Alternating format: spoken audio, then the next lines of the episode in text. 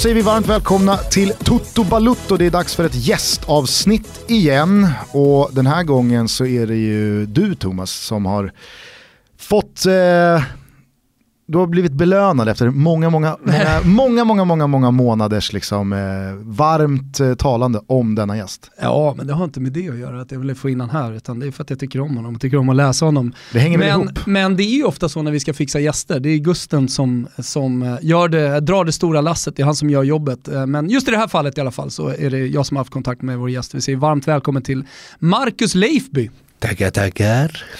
Hur är läget? Det var bra tack. Bra tack. Vad gör det med dig att eh, gästa Toto Balutto? Vi får se. Det vet man väl först efteråt eller? Ah, jag vet inte, det är nog många som har en eh, förutfattad bild av vad det här är. Alltså, ja. Nej, jag har nog inte tänkt så mycket. Det är ju måndag förmiddag. Jag har inte hunnit, eh, hunnit tänka. Nyss hemkommen från Leksand. Nyss hemkommen från Leksand. Bilade hem i natt. I storm, snöstorm. Det glamorösa livet Ja, inom på sportjournalistiken. Ja, Ja. men det var fint. Det är roligt att vara ute i, i riket och gå på ishockey. Jag tycker att det är fint. Nu drar det ihop sig lite efter en eh, lång grundserie så, Ja, så, äntligen. så händer det någonting. Ja, nu gäller matcherna någonting. Efter åtta månaders spel så dyker det upp en match som helt plötsligt så här betyder någonting. Mm. Då är det rätt kul att vara på plats. Men innan folk börjar fingra på avstängningsknappen här så tycker jag att vi ska dra ett streck över hockeyn. Just för idag. Ja, då, okej. Just för idag. Ja. Eh, många med mig känner nog dig främst från Aftonbladet. Mm. Eh, och alltså den eh, tidsmarkören som blev liksom pre och post live-rapporteringen. Du gjorde den till din. ja, det kanske jag gjorde ja. Eh, När var det här skulle vi säga? eh, det ska jag ha koll på. Första rapporten som skickades ut eh, var den här berömda Parken-matchen mellan Danmark och Sverige. Aj, aj, aj. Vad var det då? 2000... 2009? Sju. Exakt, till EM. Ja, eh, 2008. Måste det ha varit. Nej, Nej, det var 2009 till eh, i VM-kvalet. är du säker på det? Jag tror, att, nej, jag tror att det var 2007 till EM 2008. Och att- För att Sverige vann ju den där matchen till slut med 3-0. ju. Mm.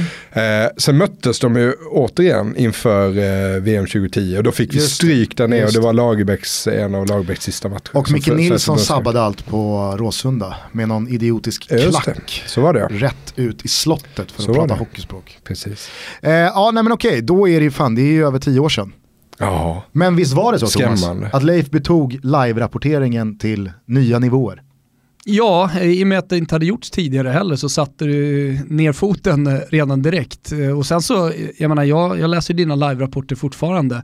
Eh, ofta på sociala medier så märker man folk eh, tar screenshots av eh, din, din, dina live-rapporter när, när du har skrivit någonting genialiskt.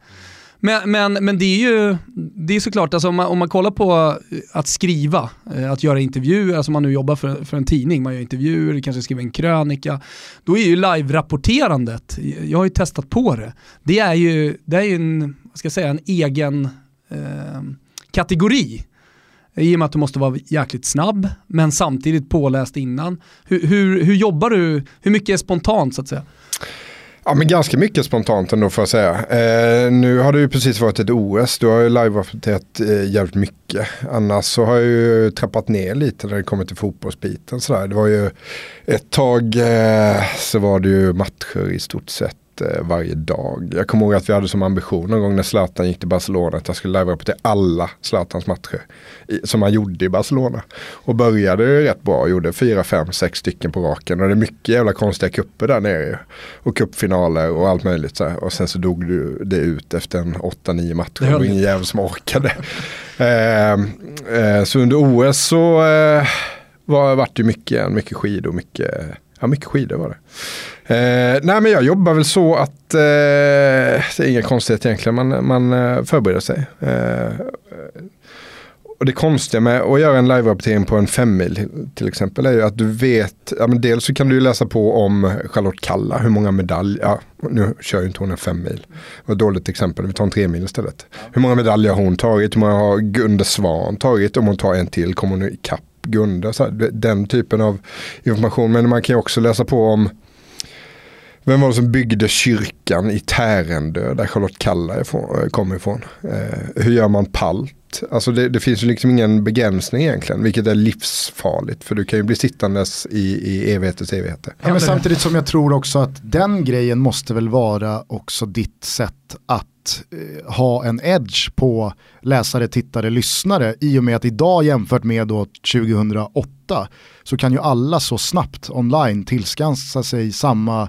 information, man kan följa samma lopp, man ser ju jag tror att gemene man ser idag många, många fler idrottsevenemang och fotbollsmatcher främst än vad man gjorde för 5, 6, 7 år sedan för att allt sänds på ett eller annat sätt. Så då kanske det snarare är paltreceptet och eh, kyrkoarkitekten som man måste ha koll på. För att alla andra har koll på det mesta. Det är också ett sätt att eh, framstå som att man kan någonting. När det i själva verket handlar om att man inte har koll på något annat. Ja. så man får då fråga om, borde Sverige sätta in den här spelaren nu istället? Så, inte en jävla susning. Vi drar någon jävla anekdot om Lars Laban istället så kommer man undan där. Eh, på senare år så har det inte bara varit Aftonbladet.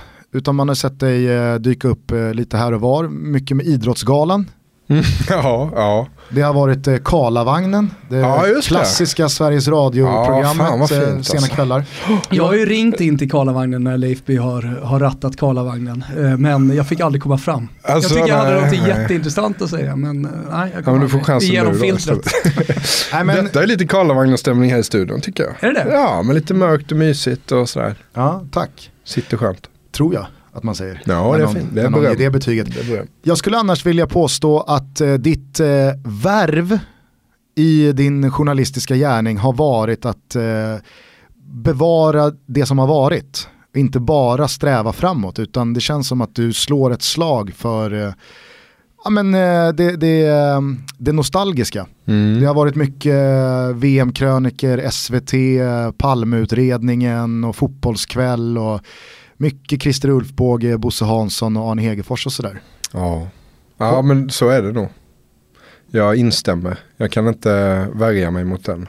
Thomas brukar ju med irriterad stämma kalla mig för en bakåtsträvare. Som att det bara är någonting negativt. Är du en bakåtsträvare? Bra fråga alltså. Alltså på vissa sätt kan nog vara det. Eh, sen kanske man ibland överdriver det lite bara för att bygga liksom, myten om sig själv på något vis. Eh, skicka ut bilder på Bo Hansson i skinnväst i en Sportnytt-studio och sådär. Eh, det behöver ju inte säga så jävla mycket egentligen om vad man tycker och tänker om saker och ting.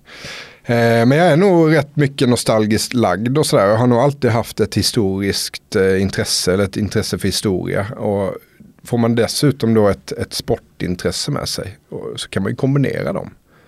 Eh, istället för att sitta och läsa om andra världskriget och eh, titta på fotboll så kan man ju slå ihop de bitarna och titta på hur fotbollen var under andra världskriget. Eller vad man nu ska ta för exempel.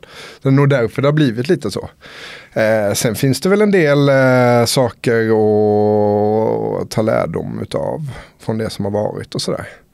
Eh, jag skrev i Offside här i något nummer här förleden om eh, hur de allsvenska tv-rättigheterna då har utvecklats genom åren.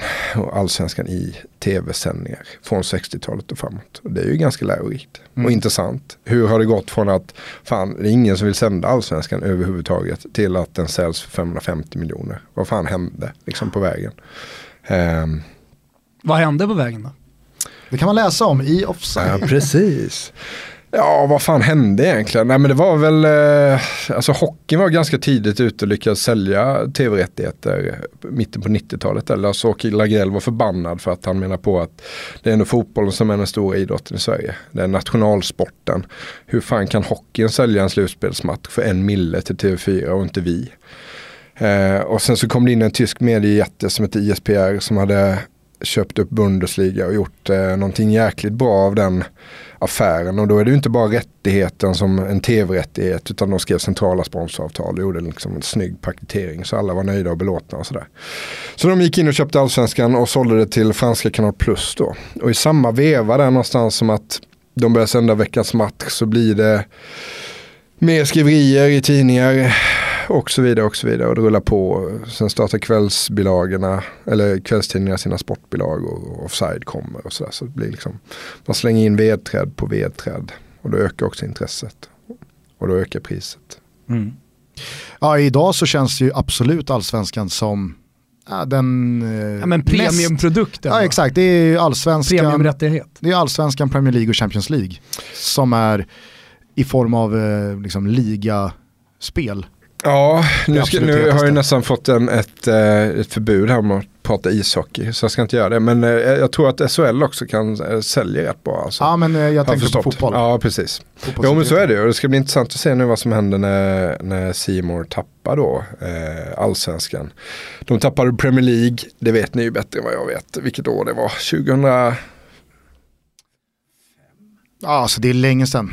Det är länge, länge sedan. Men där har man ju sett att de var uppe på nästan en eh, miljon abonnenter i, Norden då. Fasta abonnenter. Och det har ju bara dalat sedan dess i princip. Mm. Och, eh, den är väl också ute till någon slags försäljning nu sägs det ju. Ja. Premier League Exakt, MTG förlängde väl bara med Champions League i höstas.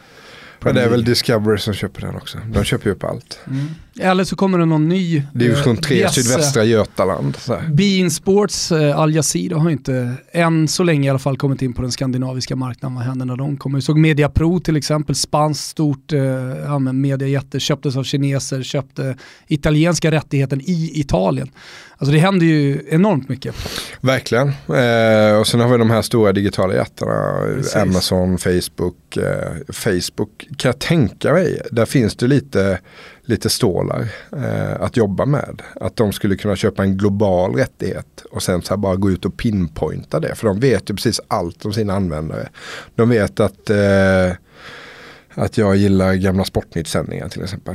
Eh, de vet att, eh, ja men de vet vilka fotbollslag ni tycker om. Då kan man gå ut och sälja det. Alltså, vad säger ni, ska ni titta på Romas matcher för nio spänn per gång? Eller sånt Exakt, där? jag tror inte vi är speciellt långt ifrån att eh, helt och fullt bryta ut lag och spelare och vissa matcher från ligor eller kupper som, som inte behöver då komma som ett paket. Utan jag, jag skiter i de där matcherna från den här ligan. Jag vill bara se det här laget och då kan man göra det. Den frågan är, är ju många som har tagit upp eh, här i Sverige. Varför kan man inte köpa bara SHL-hockeyn till exempel? Eh, varför måste man få allsvenskan på, på, på köpet när man inte tittar på den? Man kan betala hälften för SHL då istället för att lägga en 500 för, för båda. Ja men samma diskussion egentligen. Sverige är för litet tror jag för att, ja. eh, för, för att alltså det är lättare också att räkna på, säljer vi x antal eh, sådana här abonnemang för en 500 så får vi in det här. Istället för att man ska behöva liksom bygga om och eh, Det är samma diskussion kring, ja, nu när vi har satt har suttit på så många internationella rättigheter, att så, men jag vill ju bara se Premier League, jag skiter fullständigt i alla Getafe som går på söndagen, jag kan inte bara få liksom, ja, mm. köpa det. Mm. Jag är väldigt dåligt bevandrad och väldigt lite intresserad av den ligan, men det känns som att Hockeyallsvenskan har det tufft det, alltså jag skulle inte säga det. Alltså, jag, jag, tror så här Gusten, gå in och kolla på Sportbladet, gå in och kolla på Sportexpressen eh, under en hockeyallsvensk eh, omgång, eller liksom under en helg. Eh, jag vet eh, till exempel att det var hockeyallsvenskan nu när Manchester United mötte Liverpool eh, förra helgen. Och eh, då låg hockeypaketet högst både på Aftonbladet och på Expressen. Så att den var ju uppenbarligen hetare än den hetaste fotbollsmatchen i hela fotbollsvärlden när det hände. Mm. Så att eh, passa det där. Ja, som sagt, jag har kanske helt fel. Det, det, är bara så känslan här. Ja, nej, men jag har begärt ut eh, statistik någon gång från Aftonbladet för att kolla på månadsbasis. Så här, hur mycket läsning var det på SHL kontra Hockeyallsvenskan. Det var inte så jävla stor skillnad. Det var liksom inte den skillnaden som vi ser när de säljer sina tv-rättigheter i alla fall. Nej. För den är gigantisk och jag tror inte att tittarsiffrorna skiljer så mycket heller. Så att ett, ett SHL-lag är värt 40 miljoner per år och ett hockeyallsvenskt lag 2 miljoner. Det är ju som om vi tre skulle kunna gå ihop och köpa tv-rättigheterna för hockeyallsvenskan ett år. Ska vi inte okay. göra det? Vi gör det. Sända ja, ut i podd. Vi har, ju, vi har haft en liten idé om att vi ska köpa turkiska kuppen. Det spelas otroligt mycket matcher i turkiska fotbollskuppen. Ja, inte hockey, inte, inte, inte hockeyligan alltså. nej. nej, nej. Uh, och, uh, men vi, vi har på riktigt kollat på det och det är inte helt omöjligt. Nej. Men men, vi ska inte lova för mycket. Jag ska bara ta det här i mål innan vi kör igång faktarutan. Är, är jag rätt ute när det finns en paradox kring dig både som någon som omfamnar det moderna, det tekniska, så du är ju liksom live-uppdateringarnas eh, posterboy samtidigt som att det känns som att när du får bestämma så kan du sitta och kolla gamla Sportnytt-sändningar eller grotta ner i någonting som hände på 80-talet. Mm. Finns det en paradox eller är du mer eller mindre åt andra hållet? Eller det ena hållet? Eh, jättebra fråga. Jag måste, jag måste gå hem och fundera på det här känner jag. Frågan kan dyka upp igen. Alltså, jag måste ha ett bra svar på det. Ja, men det kanske är ett, ett sätt att hålla mig någonstans eh, i mitten kanske bara. Så här, för att det känns bra. Ja. Om man sitter där och knackar snabba live-rapporter och inte hinner tänka efter så kanske jag måste kompensera det genom att sitta och läsa gamla dokument och sånt där. Men jag tror också... För att må, må, må som bäst som människa. Eller så vet du fan om jag mår bra av det överhuvudtaget. Nej, men jag tror, efter att ha läst dina, ja men ta tv-krönika till exempel, du skrivit flera stycken uppmärksammade under OS. Eh, där du då blandar det som har varit med eh, ja, vad, vad, du tänker kring eh, Discovery sändning kontra SVTs eh, mästerskaps-OS eh, som de har gjort tidigare. Då tror jag att det är just det du säger, blandningen där. Att, eh, att dels kunna blicka tillbaka, hur var det där och då? Hur var Christer Ulfbåge jämfört med en, eh, en eh, kvällssändning med Anja Persson och Jessica Almenäs. Jag tror att det är den kombinationen som faktiskt är vinnande. Mm. Sen är det ju så att eh Just det tyckte jag var svårt eh, att jämföra så. Eh, SVT har ju inte sänt OS sedan 2012. Svårt att säga så här, fan hade de hittat på på de här sex åren, hur hade det kunnat se ut? Det blir lite så här hypotetiskt. Sen är det lite för att jävlas och provocera och kanske till och med underhålla ibland. Att man, som när Niklas Hyland kastar sig i famnen på en snowboardåkare och ber om en kram och sådär. Att, att skriva att det är det värsta man har sett sen man började följa OS 1984 jag satt ju inte och gick igenom allt det där noggrant. Så här, hur var det 88 nu, de här timmarna man såg av OS. Fanns det någonting där som skulle kunna, det är bara fint att kunna dra till med en sån. Och det är rätt fint att vara så pass gammal som man kan säga det. Alltså, fan jag har följt OS sedan 84. Mm. Kom igen då. När man skriver sådana där eh, texter eller eh, rapporterar om någonting som väldigt många också konsumerar och har sina åsikter om så tänker jag mig att det blir ganska mycket reaktioner. Eh, ganska mycket mer reaktioner på en sån krönika än en krönika om en match till exempel som inte lika många har tittat på. Är du bra på att ta kritik eller folk som sågar dig eller folk som hyllar dig? Jag vet inte, jag är kanske jag är nog rätt okej okay ändå. Jag kunde säkert varit lite bättre. Eh, har man väl bestämt sig för någonting och det finns ju i vissa lägen så kanske man är lite mer osäker. Det vet ju ni också som har skrivit krönikor att ibland kan man ju faktiskt känna så att fan, jag tycker kanske inte så jävla mycket här alltså. Men, men, nu är det min uppgift att tycka någonting mm. men helst hade jag gett fan. Ja men det där tycker jag, tycker jag man ingenting. Nej, just det där att man, man får lite eh, ja, men man kan få lite ångest för att man faktiskt inte tycker någonting om en match. Så vill man ändå eh, liksom markera. Mm. Eh, vad, vad, ska man annars skriva en krönika för kring matchen? Då blir det bara en matchrapport av det. Ja, men själva men, syftet är men jag sa i somras till exempel att eh, jag tyckte att eh, jag satt på en skärgårdsbåt och poddade. Gusten satt hemma.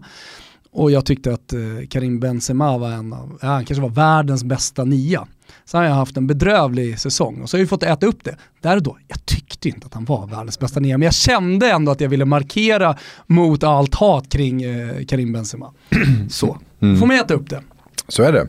Sen så är när jag, känner, jag tänkte bara säga, när jag känner att jag är här, helt rätt på det och, och, känner mig trygg i det och bottnar i all, alla tankar och idéer kring det. Då, då kommer jag stå på mig tror jag. Sen så kan man ibland känna att ja, men man kan tycka olika här. Då får man vara öppen för det. Mm. Men det lät nästan som att eh, du hade något exempel på Nej, när jag, jag fräst ifrån. Du slår, du slår mig som en person som är liksom väldigt likgiltig inför folks kritik. Ja. Jag kan inte se dig som då till exempel mannen bredvid mig här ta en strid på Twitter gentemot någon som tycker annorlunda. Ja, där har jag nog ganska Det mycket har att lära. hänt, det har det gjort. Och krävs det en strid så får jag ju ta en strid. Lite så är det ju. Sam- Samtidigt så när man är inne i, i tunga jobbperioder och man har mycket annat att stå i i livet så, så kanske jag har seglat ut lite sådär från sociala medier. Det är Mm. oftast där det händer. Men under OS kan jag säga då fick jag en jävla massa mejl. Jag satte mig en dag, det tog en dag att svara på alla. Då svarar jag verkligen på de som hör av sig och håller hyfsat god ton. De svarar på. De som skriver så här, ja men Bo-Göran och de här. Det är alltid de Mm. som tycker att man är en jävla idiot och en fjant och så här. De, de skiter i Mm. att svara på. Men annars försöker jag svara på alla. Och det tog en dag alltså. Vad ska du inte- säga inte negativt, positivt? Hur, hur var fördelningen där under OS på mejlen som kom in? Ja, men jag skulle nog säga att eh, jag hade medhåll från eh, 7 av 10 kanske. Det är ju bra. Ja, det är helt okej. Du, jag måste bara fråga, eh, har du sett den senaste dokumentärserien här om Christer Pettersson och Palmemordet? Nej, det har jag missat. För, nej, ja. Jo, det har jag sett. För du är väl eh, en av Sveriges mest profilerade liksom, Palmemordsintresserade människor? Privatspanare. Ja. Filip och Fredrik hade eh, någon specialpodd, eller vad var det? Kring Palmemordet och då var du med William. Ja, det var till och med en specialpodd om Palme-dokumentären. Som eh, kom för några år sedan. Just det, i Ja, samband med kom- 30-årsdagen va?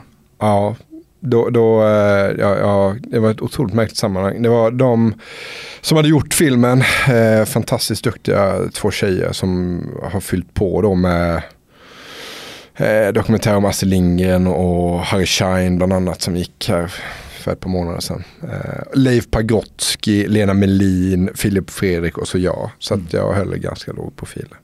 Jag ska bara säga det, spoiler alert här så är det sex avsnitt om eh, lite nya uppgifter kring Christer Pettersson och varför han dök upp och blev kvar i Palmeutredningen.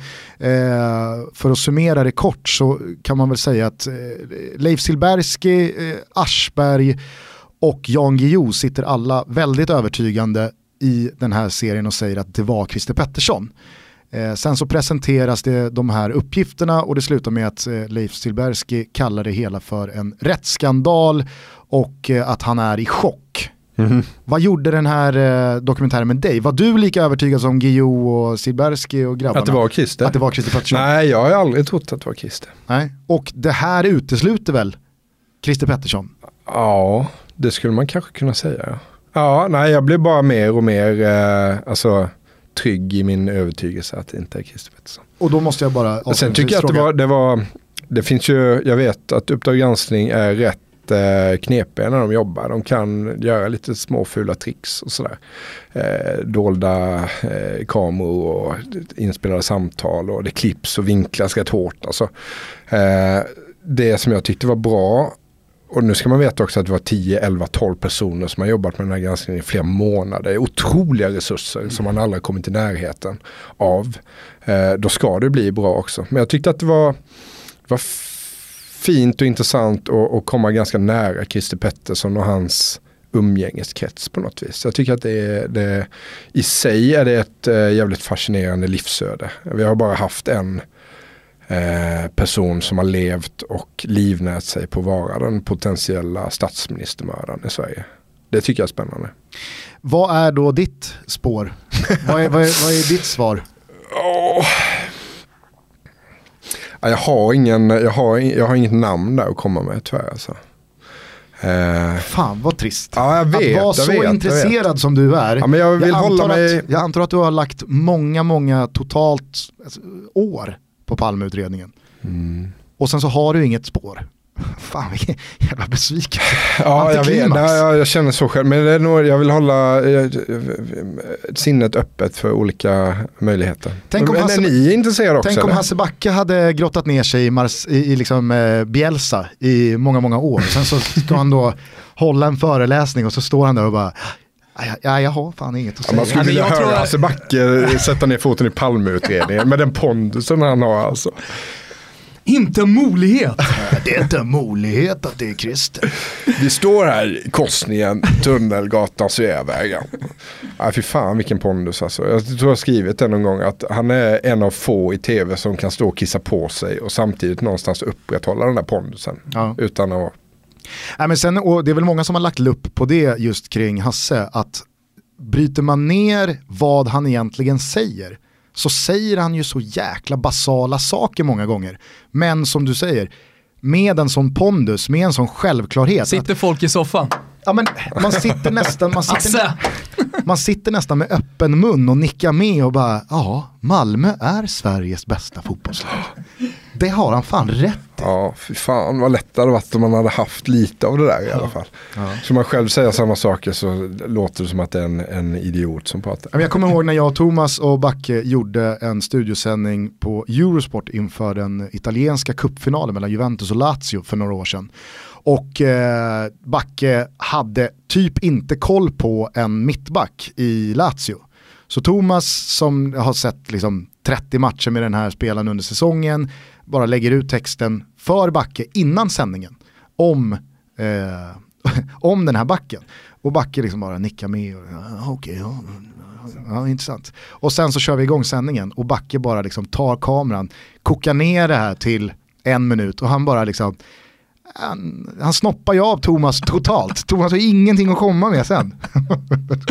Ja, eller vad säger du Thomas? Ja, säger du, Thomas? Tack för det. Ja, bra magnet. jag har ingenting att tillägga. Nej. Så jobbar man ju inte kvar på Discovery heller. Vi är sponsrade av Kanal Digital och vid det här laget så vet ni ju hur många fina rättigheter från den internationella fotbollen som går att eh, se via Kanal Digital. Men ja, Toto Balutto i fotbollsväg. Nu börjar det ju brännas för den svenska fotbollen och den allsvenska premiären. Första april så är det dags på Simor och det här känns ju ruskigt ruskigt härligt. Ja, men nu har det varit så lång eh, försäsong. Allting har ju liksom byggt upp inför det här. Så nu vill man ju bara bänka sig på de matcherna som man inte kan gå på live och titta på toppbild, eller hur Gusten? Och se allt. Ja men verkligen, för det är ju eh, alltid så att HD-kanalerna ingår när det kommer till kanal digital. Och nu vet ni ju det här då, med Tutto Balutto, ja, då får man Champions League, Premier League, Serie A och La Liga i Viasats kanaler. Och i eh, Simors kanaler, ja där finns det allsvenskan och superettan. Så att, eh, det spelar ingen roll vad det är för väder i vår. Nej. Man behöver aldrig lämna soffan. Just nu bjuder Kanal Digital på familjepaketet och Simor Premium, där ingår alltså alla kanaler från Simor. Fritt i tre månader när du tecknar ett abonnemang på 24 månader. Oj, oj. då kan man ju väga in det här med då den eh, nya UHD-boxen OnePlace, mm. att eh, HD-kanalerna alltid ingår, att det är den bästa bilden som erbjuds där ute så förstår man ju att det är Kanal Digital som är the way to go. Och då går man in på kanaldigital.se väldigt enkelt eh, och så kan man få mer information om det här då och gå vidare eh, om man tycker att det låter intressant. Och det vore ju konstigt om man inte tyckte att det lät intressant. Tack till Kanal Digital. Tävlingsdags med Betsson Gusten. Tävlingsdags med Betsson imorgon fredag. Då kör vi igång Toto-kuppen. Kul! Ja, verkligen. Det känns superroligt att kunna erbjuda ett sånt här dunderpris. För du har väl inte glömt vad det är? Nej, det är uh, plåtar, inte vilka plåtar som helst heller, till Manchester City, Etihad Stadium uh, mot Manchester United, Manchester Derby och man sitter i lås va? Precis, det är ja. inga sketna rad Z uppe Nej. på översta etage utan det här är två stycken plåtar till Betssons VIP-box. Så att eh, det är ju verkligen ett dunderpris i potten. Hur gör man då för att vinna det här priset? Jo, det är väldigt enkelt. Man börjar med att ha ett konto på Betsson. Det är mm. liksom en förutsättning. Betsson.com är ju då ett tips att gå in på och skaffa sig ett konto. Precis, och under fredagen som vi har valt att kalla för dag ett, då ska man lägga en singel med lägsta tillåtna odds på 1,50. Insatsen ska vara 100 kronor om man ska skicka in det här spelet eh, i en screenshot under hashtaggen Tuttokuppen med Betssons svenska konto intaggat. Precis.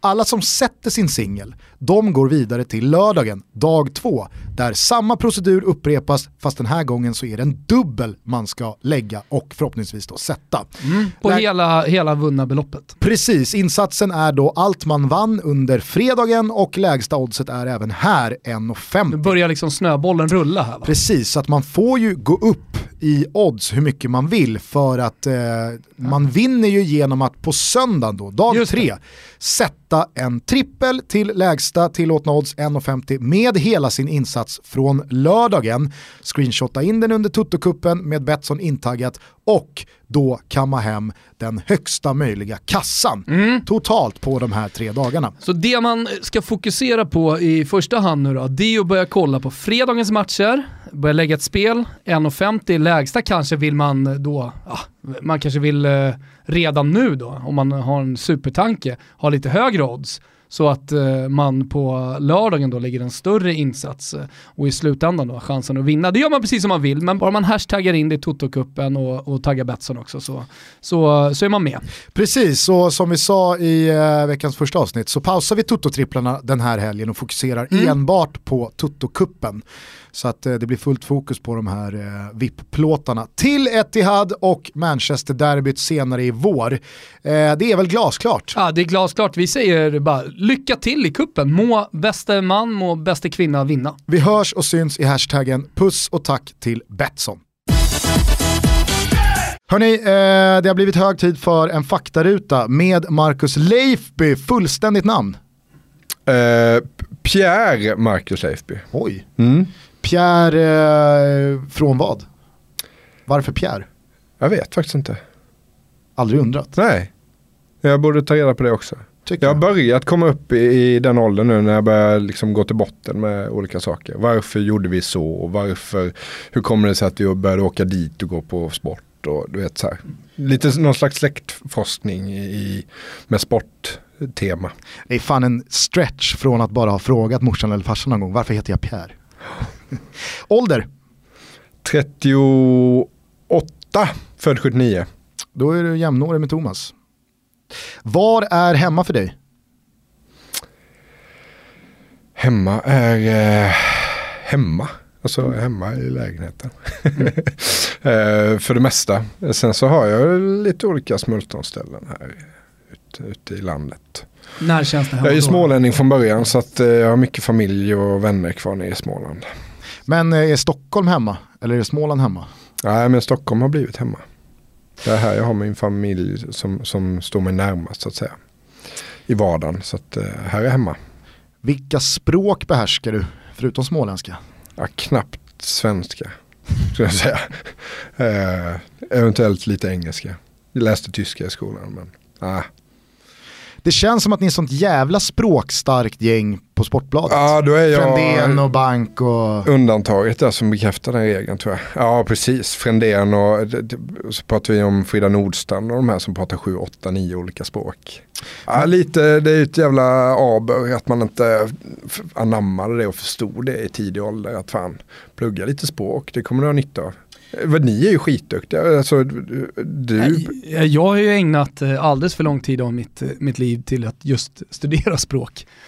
Sen är inte jag, alltså man kan ju vara, min syster till exempel, hon, hon är som, hennes, hennes hjärna när det gäller språk är som en svamp, liksom bara suger åt sig.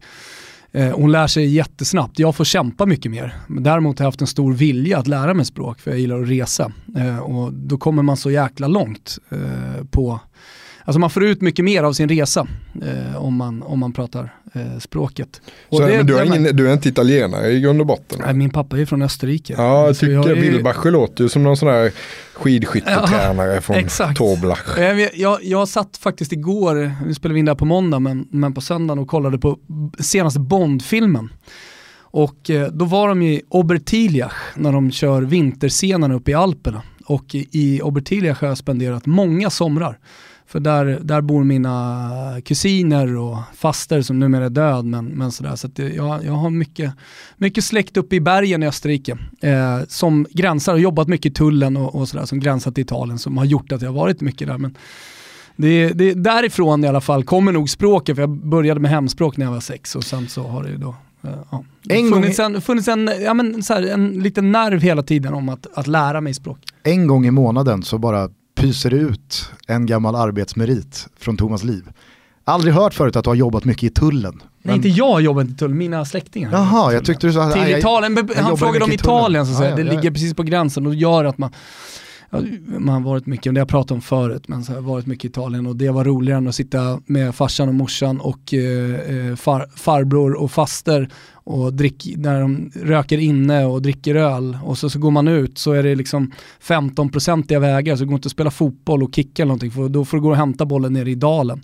Så då längtade man ju till de här två veckorna som man skulle vara i Italien snarare än de man var uppe i bergen. Du vet vilken gammal landslagsman som behärskar nio språk? det låter många, ju också som en skarv. Nu vill ju många påstå att Zlatan eh, pratar eh, alla, eh, alla länder som han har spelat i deras språk. Med Zlatan är att han pratar inte något språk bra. Nej exakt, men det finns en gammal landslagsman som pratar nio språk. Okej, okay. fan hur lång betänketid får jag? Ja, men du kan få tio sekunder. Okej, okay. uh, hur gammal landslagsman Han skulle, jag skulle säga att han gjorde sina sista landskamper 2006, 2007 någonstans okay. där. Ah, fan vad svårt. Ted Lukic. Jajamän. Ja. Nio. Nio språk. Ja, han, känns ju, han känns ju som en person som skulle som intresserar sig för det också. Mm. Och förstår liksom värdet i att passa på att lära sig det. Å andra det kanske inte Zlatan har gjort alla gånger. Så. Å andra sidan så har man ju sett Teddy Lukic eh, göra språkskolan mm. gamla mm. Uno Kryssdoe. Men han bara Vaffanculo. Scusi? Scusi? Scusi. Vilket, Bizarre. eller vilka lag håller du på? Känslig fråga. Det är ju det, för ja. många. Men, men, men, det känns som att det har börjat luckras upp mer och mer det där. Ja, jo så är det väl. Eh, det är nästan lite konstigt om man eh, eh, intresserar sig för sport och blir sportjournalist att inte ha något eh, någon slags sympati, det tror jag. Eh, de är nog svåra att hitta de sportjournalisterna. Jag, eh, jag känner väldigt mycket för och med ett ishockeylag som heter Tingsryd. Jag skulle inte kalla mig supporter eller fan, men eh, jag har ju fått min hockeyfostran där i den isladan. Eh, sett väldigt mycket ishockey och haft väldigt roligt. Så att jag känner för det laget och den klubben och den byn väldigt mycket. Det är nog det enda laget. Var det Tingsryd som förra säsongen tror jag det var körde det text-tv-tifot? Nej, det var Leksand. Eh, men det var ett fint tifo för att Tingsryd var ju topp på den tabellen. Ah, ja. Och Leksand var i botten och det var väl det de ville signalera. Mm. Vi låg sist här och, och Mora låg där och nu är vi här. Okay. Sådär, ungefär så. Är det favoritkoreografin? Nej, den var ju läcker alltså. Det, det, är ett jävla arbete som ligger bakom det där också. Eh, det skulle vara intressant, vi har pratat någon gång om att man skulle dokumentera ett helt tifo någon gång. Stockholmsklubbarna är ju inte så jävla sugna på att släppa in eh, media i sina tifogrupper. Sådär. Jag vet att de, om det var Hammarbys tifogrupp som hade öppnat upp för eh, stil i P1 eh, någon gång och sådär, gjort någon intervju. Men annars är det ju stängt. Men är lite synd. frågan är, vi är ju lika gamla som vi precis konstaterade. Eh, jag växte upp väldigt mycket med idoler på fotbollsplanen då. Eh, Van Basten till exempel som gjorde att jag fick eh, tidigt då sympatier för Milan men insåg att det var nog ganska mycket Van Basten som, som låg i grund och sen blev det mer och mer Fiorentina. Men har du haft något sånt internationellt fotbollslag som, eller någon idol liksom? Ja men jag håller med dig där. EM 88, hela den här holländska vågen där och de spelarna som gick till Milan sen så hade man ju då kompisar som antingen höll man på Holland och Milan eller så höll man på Inter och Västtyskland som det hette på den tiden. Fan, ja, men så var det ju verkligen. Alltså, jag kommer ihåg, eh, min polare han var ju mycket Matteus på den tiden. Vissa var Klinsman och så vidare. Ja, och så osympatiska var... jävlar de där. Ja. Matteus mer än Klinsman. Ja. Måste man ändå säga. Ja. Klinsman hade ju någonting sympatiskt över sig. Ja, och Fölle då? Ja, exakt. Nej, jag, jag hade inga stora sympatier. Det, det, det inte, de spottar inte på varandra, det är faktiskt Reikard som spottar på Fölle. Så är det ju faktiskt. Mm. Men eh, det är sant att det är två block där, ja. verkligen. Ja, jag gillar också van Basten. Han inte spelat inte han i nummer 12? Jo, men han hade lite olika nummer. Han hade också 9 och han hade också 14 ett litet tag. Kommer ihåg att det var ju jävla tjat om vilka nummer man skulle ha när man spelade fotboll på den tiden. Så man gjorde upp schema i laget så, här, så att alla skulle få spela en match i nummer 10 till exempel. Men jag vill alltid ha 12, jag sket i 10. Är du en eh, bakåtsträvare vad gäller nummer? För det är ju många som eh, verkligen inte klarar av att fotbollsspelare idag springer runt i 66 och 99 och Jag måste erkänna att jag, jag lägger lite kraft på den frågan faktiskt. Men eh, för min del får ni gärna vara 1-12 alltså. Det är Mm. väl enkelt. Varför ska man hålla på? Nej, jag tycker också det. Alltså, Luca, eller vad heter han? ehm, inte Luca Toni, utan Lucarelli. Han spelade nummer 99 va? Mm, det? det var för att eh, den ultrasgruppen var eh, bildades Ja, 99, just det. Ja. som han tillhörde. Jag och såg, den i hockeysammanhang är ju totalförbjuden. Alltså, skulle du åka ut med 99 på ryggen i Tingsryd möter Karlskoga, då blir du sönderhånad. Alltså, du kommer inte ta ett skär till. Jag har ju det är- förkärlek för, för, för hockeyspelare som har nummer 10. Alltså, så Ja, för att just tänka på det. fotbollen. Var det inte han norrbaggen i Djurgården, körde inte han 10? Espen Knutsson. Espen. Schampo. Schampo. Ja, men, Ja, men det känns som att... eh, Många schampo i Djurgården nu. Ja, det är väl en Ja, bra spaning ja, ändå. Liten hockeyspaning. Det känns som att eh, just 99 då, Gretzky-anspelningen inom hockeyn, alltså den är så förbjuden att göra. Eh, Men när de hissar upp den i taket, jag menar då hissar de upp den globalt. Ja, det är, ett, det är väl det enda numret i NHL som är eh, pensionerat eh, vad gäller alla klubbar då. 99 får ingen använda. Nej, senast Oavsett om du i, spelar i Rangers i eller SHL i... hade 99. Jag vet inte om någon har spelat i 99 om jag ska vara ärlig. Men där har det mer varit så här jubileumströj, nummer 100 eller nummer 1000 till och med tror jag det varit. Så ja, Men, där i finns ju fotbollen- 27 är ju vackert hockeynummer också. Ja, 27 har ju blivit ett speciellt nummer i Stockholmsfotbollen här efter Ivan Torinas tragiska bortgång. Ja, just det. Men jag skulle säga det att med, med hockeyn så känns det som att ett nummer, i det här fallet då 99, det, det var så lätt att förknippa med en spelare. Det, det är ju nästan omöjligt att göra det inom fotbollen för att det finns så många stora spelare och så få nummer som ändå är eh, kutym att använda. Hade det funnits egentligen 99 nummer att använda i fotbollen så hade det ju varit enklare att kanske låsa ett nummer till en spelare. Men idag, alltså vem är egentligen nummer 10? För mig är det Totti, för någon annan är det Maradona, för någon annan är det Messi och någon annan är Zidane. Liksom. Så det där är ju, äh, det är lite svårare. Men det jag skulle komma till där med eh, supporterskap och journalistiken så upplever jag att det känns betydligt tuffare när det kommer till svenska lag än internationella lag. Idag känns det så väldigt uppluckrat och accepterat att Niva håller på Tottenham och Thomas får gärna hålla på Fiorentina och någon annan får hålla på Juventus och Martin Åslund kan sitta och säga att "Ja, men jag håller på Napoli eh, eller Barcelona och det, det är inte så många som stör sig på det längre eller tycker att det är viktigt. Men det finns en väldigt tydlig distinktion mellan utanför Sverige och inom Sverige, att det blir väldigt mycket känsligare. Mm. Märker ni av det också eller? Alltså Thomas, eh, jag, jag, jag lider ju aldrig av det, även fast det är många som tvivlar, för jag håller inte på något svenskt lag. Och det kan jag verkligen stå för. Jag håller på Roma och det är av den enkla anledningen att jag inte förstår hur man kan hålla på mer än ett lag. Det går liksom inte ihop i mitt huvud.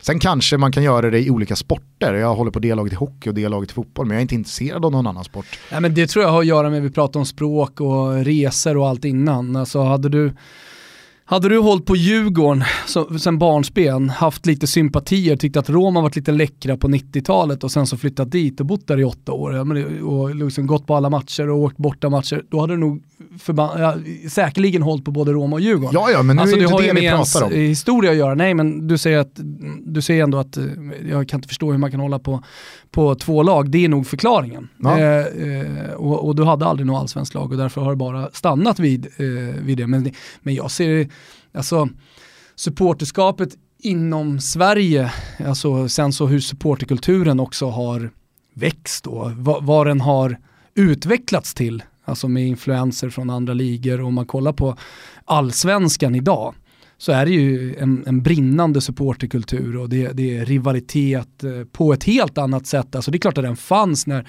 jag och Marcus eh, växte upp men det, det är mer hat än vad det var då. Och Idag... idag, Framförallt bredare. Alltså då, då, det är klart att det fanns hat mellan Djurgårdens mest eh, extrema eh, huligangruppering och AIKs. Men, men nu, nu, är det liksom, nu har det vuxit ut även på långsidorna.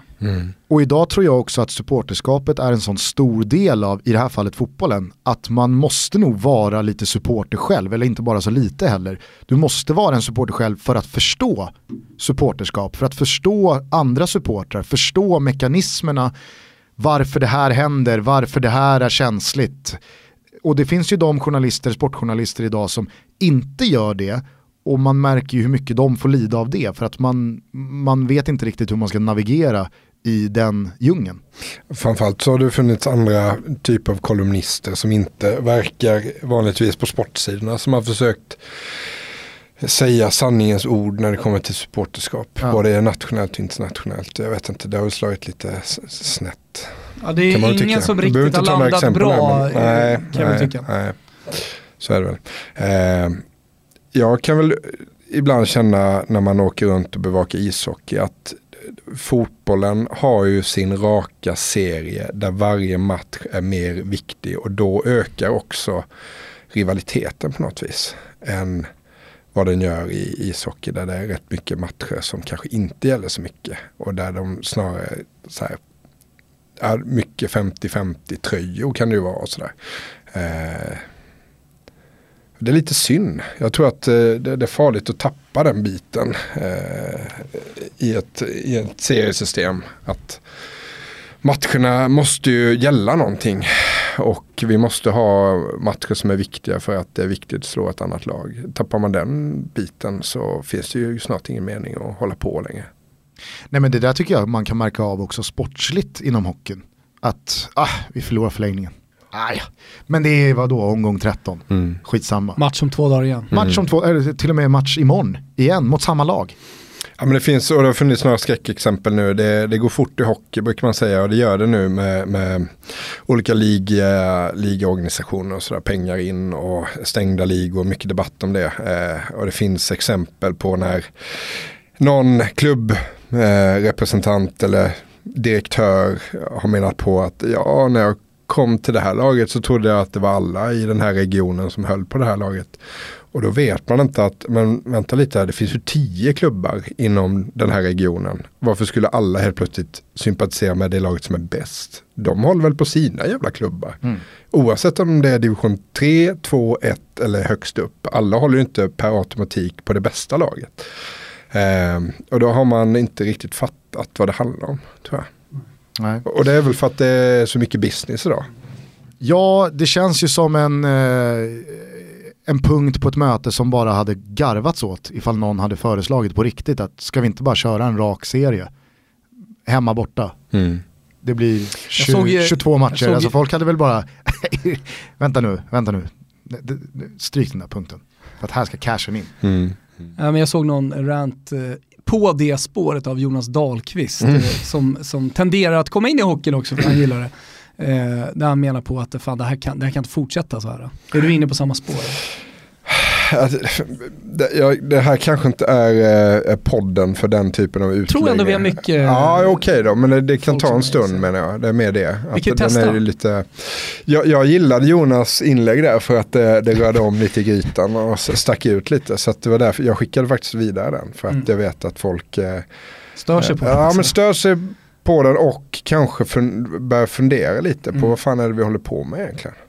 Eh, problemet med svensk hockey är att det finns eh, ett NHL där borta dit alla sneglar och tycker att det är häftigt och sådär.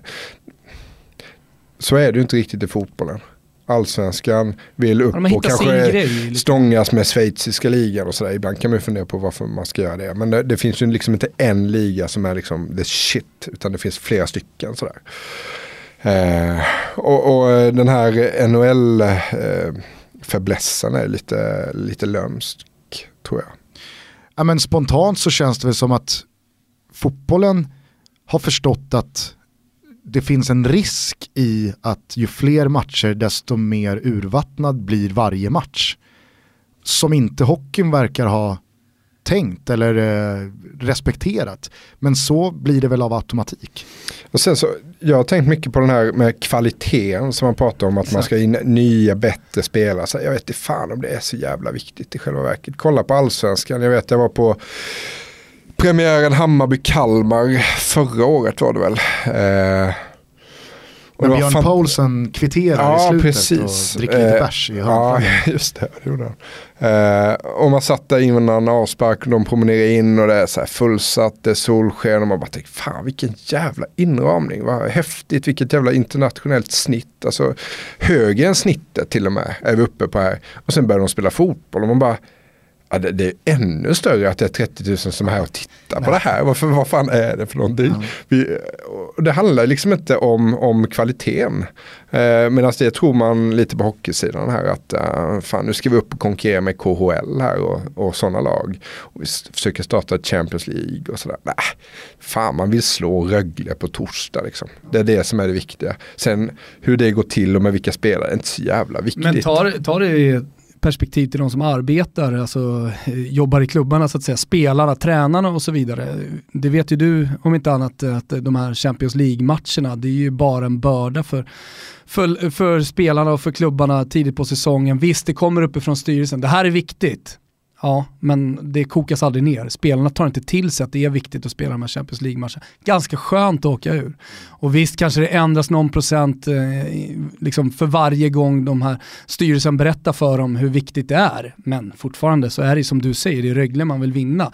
Men hur är det för spelarna?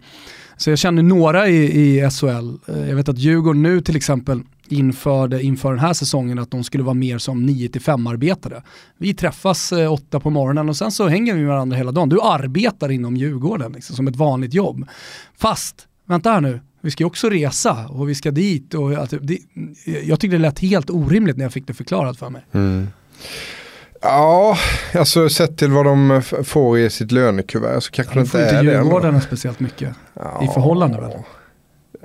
Vad tror du om man jämför fotbollsklubben med hockeyklubben? Är det stor skillnad? Ja, ja, ja. Vad har vi för snittlön på, på, uh, på fotbollssidan? Ja. På fotbollssidan skulle jag säga att Djurgården, eh, Djurgården ligger vare sig lågt eller högt utan Djurgården ligger någonstans mitt i om man exkluderar typ en Kim Källström här eller Jonas Olsson där. Säg att en snittlön i Djurgården ligger på 55, 60, 65. Det jag menar lite var ju att Djurgården ligger väl ganska lågt i lönesnitt i, eh, bland SHL-klubbar. Ja men det gör de nog, det kan jag tänka mig. De har ju haft det lite kämpigt ekonomiskt och sådär. Eh, det finns andra lag som betalar betydligt mer. Eh, jag vet faktiskt inte vad en snittlön är i SHL men de, de känner ju bättre än allsvenska fotbollsspelare, okay. så är det ju. Ja, ja, ja. Så att det kanske är rimligt att begära in dem. Eh, men det är ett jävla kuskan också. Jag vet att jag träffade Micke Tellqvist eh, som har spelat hockey i många herrans år. Han såg ju fram emot att sluta och kunna så här, äta en frukost hemma en lördag morgon. En rostad macka och en kopp te. Det var det han såg fram emot.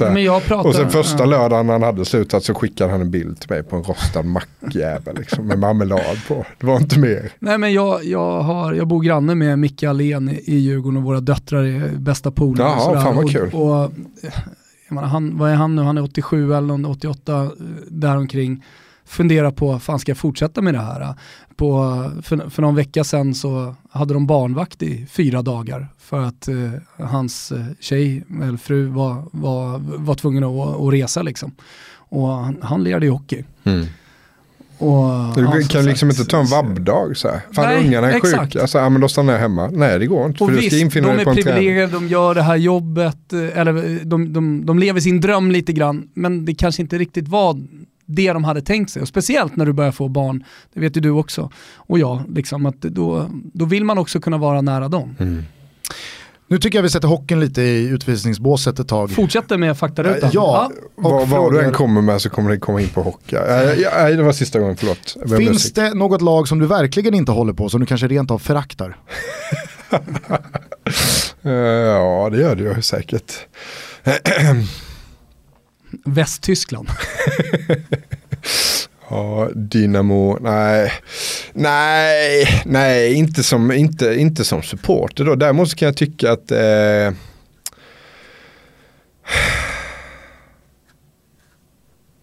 det är lite känsligt här tror jag. Jag fick så jävla mycket skit senast jag skrev om Karlskrona ishockey, eh, hockeyklubb. Alltså? Ja. Då de var skulle det, tapetsera. Var det 9 av 10 som var Jag har inte varit nere sedan dess. Eh, jag har inte varit nere överhuvudtaget. Jag vet inte om jag vågar åka ner. Nu kommer de ju kvala här så att jag kommer bli så illa tvungen tror jag. Men då skrev de att de skulle tapetsera arenan med mitt tryne för att liksom motivera sig själva att, att överleva det här. Så jag vet inte om jag Vilka sa det? Supportrarna eller klubben? Om jag åker ner där. Ja, supporterna. Men klubben höll med lite? Ja, men jag tog Karlskrona som ett exempel på hur, hur eh, illa ställt det är i hockey-Sverige om en klubb riskerar att åka ur en serie att den också riskerar att gå under. Jag tycker att eh, då har man, eh, då har det spårat ur lite.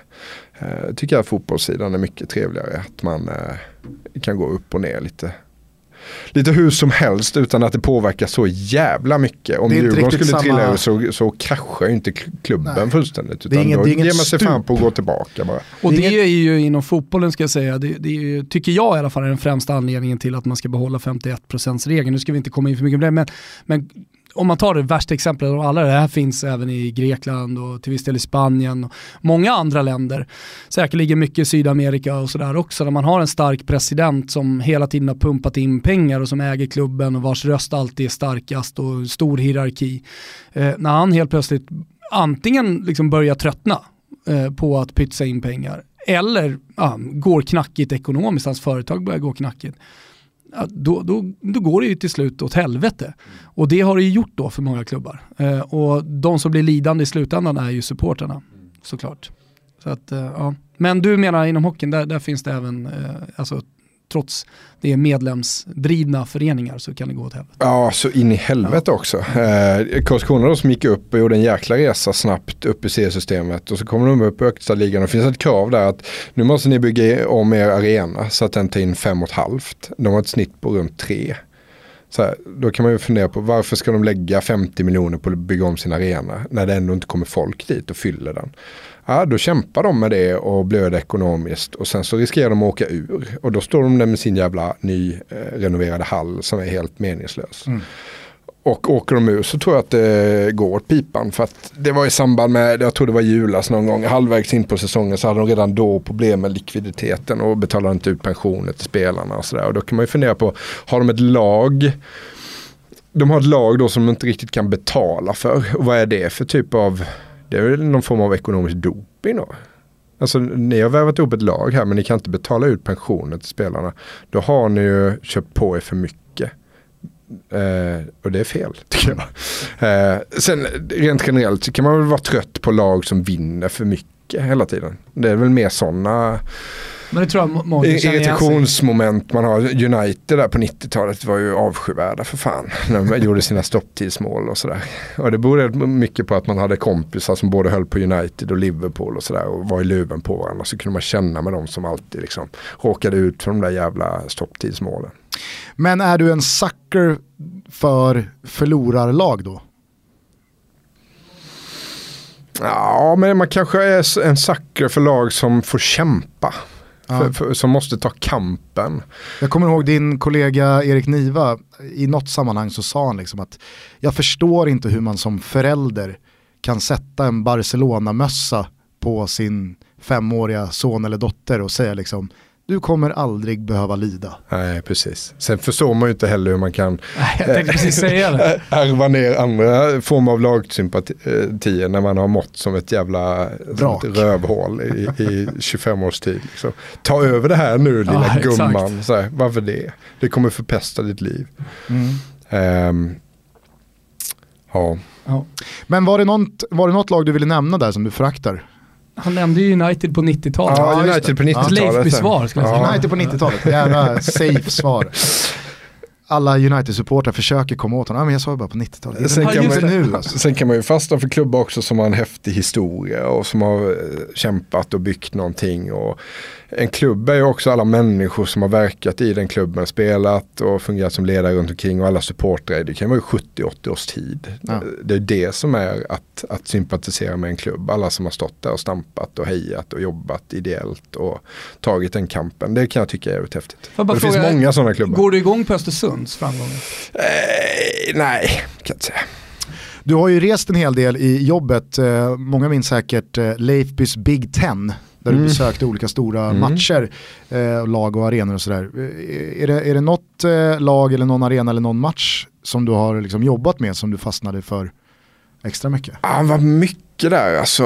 Eh, det var också det jag tänkte på det när vi pratade språk här, att man kan ju faktiskt med hjälp av idrott och kanske i synnerhet fotboll då, ta sig fram och, och, prata med folk. Trots att man inte pratar samma språk så kan man med hjälp av färger och lagsympatier och sådär faktiskt så här, ha lite trevligt tillsammans. Det märkte jag av när jag var i Sevilla tror jag. Det var Atletic, eh, vad fan heter de? Nej, Betis. Ja, Real Eh, Betis. Real Betis, grönvita. Och då kunde jag ju berätta att jag har ett lag där hemma som också är grönvit som heter Tingsryd. Och taxichauffören, Ting, Ting, Tingsryd. Ting, ting. Jag måste bara säga det nu när jag tänker tillbaks på eh, Big Ten-serien där. I ett avsnitt så skulle du se Arsenal spela. Jag kommer inte ihåg vilken match det var, men du skulle då försöka dig på att kopiera Dennis Bergkamps fantastiska utomjordiska mål som han gör mot Newcastle på St. James's för massa år sedan. Ja, med hjälp av några jävla lallare. Som, Ja exakt, så ni ställer väl upp något mål där på, på asfalten och du får en passning och visar hur du ska ha den. Och lyckas ju, man ser ju på dina reaktioner att det här är inte försök 12. Utan det här är första försöket. Ja. Och det är, du gör det helt otroligt bra. ja, men det är då, något har man ju fått med sig då från de här eh, åren som man har gnetat på på potatisåkrar runt om i södra Sverige. Utan Ja. att komma någon vart egentligen. Ett jävligt snyggt mål på Påskbergsvallen i Varberg en gång. Alltså, Mot Varberg Boys faktiskt, som spelar Superettan nu va? Ja visst. Eh, Då spelade du för, eh, Älmhults IF. Aldrig har fostrat någonting överhuvudtaget. vad var det för mål då? Var det Mancini-klack? Eh, nej, som högerback så avancerar jag uppåt i banan. tar mig-? Ja, alltså jag är nere i, vid vänstra hörnflaggan av någon jävla anledning. Kan man ju ställa frågan vad fan jag gjorde där. Med boll och lyckas därifrån ta mig tillbaka i planen och utanför straffområdet så skjuter jag på uppstuds rakt upp i krysset. Alltså, jag, jag, det, jag, jag var så jävla nöjd med det målet. Vi låg under med 3-0, vände till 4-3. Jag tror jag gjorde 3-3 målet. Ett så. typiskt ytterbacksmål Gusten. ja, Och det var i samband med VM i Sydkorea. Eh, Japan-Sydkorea. De hade den här VM-bollen som vi spelade med. Ni minns säkert den Mm. också. Och den eh, tog jag med mig hem. Smugglade ut i spelarbussen sen. Och de var inne, Varberg Boys, inne i vårt omklädningsrum och slet och letade efter sina matchbollar. De kostade ju fan 2000 spänn styck. Visst. Ja. Men jag tog med mig den hem. Så jag har den hemma på vinden någonstans fortfarande. det är ju så jävla viktigt att Visst får man ta med sig vissa matchbollar. det har man ju sett på tv att man får göra. det är så jävla viktigt att snygga mål man har gjort också fick betyda någonting. Man kan ju ibland se spelare göra helt fantastiska drömmål men det är en reducering till 1-4 och Ja, således så bittert, faller ju målet lite platt. För det blir också lite pinsamt när då den här spelaren firar lite för mycket. För att målet i sig betyder inte någonting, det blir en förlust ändå. Det är ett bra avsnitt jag har där. Det, det, det, det snyggaste, mest avgörande målet i fotbollshistorien. Ja, Vilket eller är det snyggaste, minst avgörande Ja, målet. just det. Du det. Ja. Favoritspelare genom alla tider? Fotboll då alltså. Ja, så nu, nu är det fan fotboll hela vägen in i mål. Ja, men jag säger, eh, rätt tråkigt svar. Marco van Basten säger jag. Han, eh, det var ju en ålder där när man var ute och spelade mycket fotboll på, eh, i trädgårdar och på fotbollsplaner och man var vissa spelare och sådär och hade prick C och sådär. Då var man gärna Marco van Basten. Alltså. En Det där spelare, snygga, snygga volleymålet mot Sovjet 88 och sådär. ja det är, det är otroligt. Det är många högerbackar. Den vita Det- svanen från Utrecht. Det är många som har haft van Basten som ledstjärna och sen slutat som högerback på Påskbergsvallen. Ja, kan tänka, jo, men, kanske inte just där, men som högerback. Det är väl ofta så att man ville vara, alla ville vara anfallare, så bara flyttade man bakåt i planen. Ut på bänken. En spelare som du aldrig riktigt gillat? Lotta Matteus, säger jag då. Från samma tidsepok. Han är inne i spelsvängen nu va? Han är Ja. runt. Ja, han är ju kollega med Frank Andersson och Just det, Leo Vegas är det Patrik Ekwall. låtar. Mm. Känns som att han är dyr. Ja, det kostar nog en slant, men det finns väl pengar där kan jag tänka mig. Det kan jag tänka mig. Har man råd med Frank Andersson så. Intressen utanför fotboll. Nu har vi gått igenom det mesta men har vi glömt något här? Förutom hockey, Palme och andra världskriget. Mm. Nej men det, jag är ju småbarnsförälder så att eh, man intresserar sig för sin familj och den lilla egentiden som finns kvar. Så ah, man försöker väl mest koppla av. Eh, titta på någonting som, eh, som är bra att titta på. Kanske ett uppdrag granskning eh, eller eh, någon serie eller sådär. Jag försöker läsa en del också för jag tycker att det det ger någonting när man sen ska sätta sig och skriva. Jag behöver det som inspiration. Mm. Eh, Just nu är jag inne och läser po poesi faktiskt. Eh, det finns en svensk poet som heter Bengt Siden Andersson som är lite läcker tycker jag. Han har skrivit en del dikter om fotboll också som är jäkligt träffsäkra och som känns i maggropen. Bra tips då till alla som lyssnar. Mm. Vore ju jävligt mäktigt om du applicerar det här på din live-rapportering. Under VM så kör Leif bara liksom dikter till live-rapporter. tips till Ja, men man kan hitta lite sådana grepp att ta ibland. Eh, ibland så, det, det är det som är så roligt med live-rapportering. Det finns ju liksom inga, så här ska det gå till. Utan man kan, du kan vara tyst i några minuter och så kan det ha någon effekt hos läsaren. Så här, att så här, de blir, vad fan, skriv någonting nu. Man kan skapa liksom de typer av känslorna. Man kan, man kan rapportera som en 70-talskommentator. Lite så här eh, knastertorrt svårt. Eh, det är inte alla som begriper att man håller på sådär. Men vissa gör det. Och det räcker egentligen att någon gör det. Är det fortfarande lika hett? Alltså är det fortfarande lika många som eh, läser och är med i din, i din live? Jag vet ju sällan hur många som, som är inne. Jag tycker att de eh, verktygen som finns är inte eh, klockrena. Alltså. Eh, jag kommer ihåg ett, ett skidmästerskap för några år sedan när SVT Play kraschade under en stafett eller något sånt där. Eh, då satt jag på redaktionen och det var någon som skrek så Åh fan nu är det 150 000 inne liksom. Och då bara kände jag att jag frös till. Liksom. Så fan, jag kan inte skriva för så många människor. Det bästa är att inte veta någonting och tro att det är fyra pers som sitter där. Det är Pappa och ett par till. Liksom. Då kan man eh, hålla lådor till helvete. Men vet man att det är många då blir det så här. "Åh, Nu är Det här kan jag inte skriva." Nej precis, man blir begränsad av det på något vis. Är farsan med på varje live-rapport? Ja men eh, han är med rätt ofta faktiskt. Tycker till också. Nej, inte så mycket. Idiot kommer bara från. Pappa Leif. med Macke. För fan, så kan du inte skriva. Eh, finns det någon person utanför fotbollen som du ser upp till? Ja, det finns väl eh, många tror jag. Eh, ja, men jag kom på det för eh, ett tag sedan sådär. Eh, jag ska nog nämna min pappa här ändå alltså.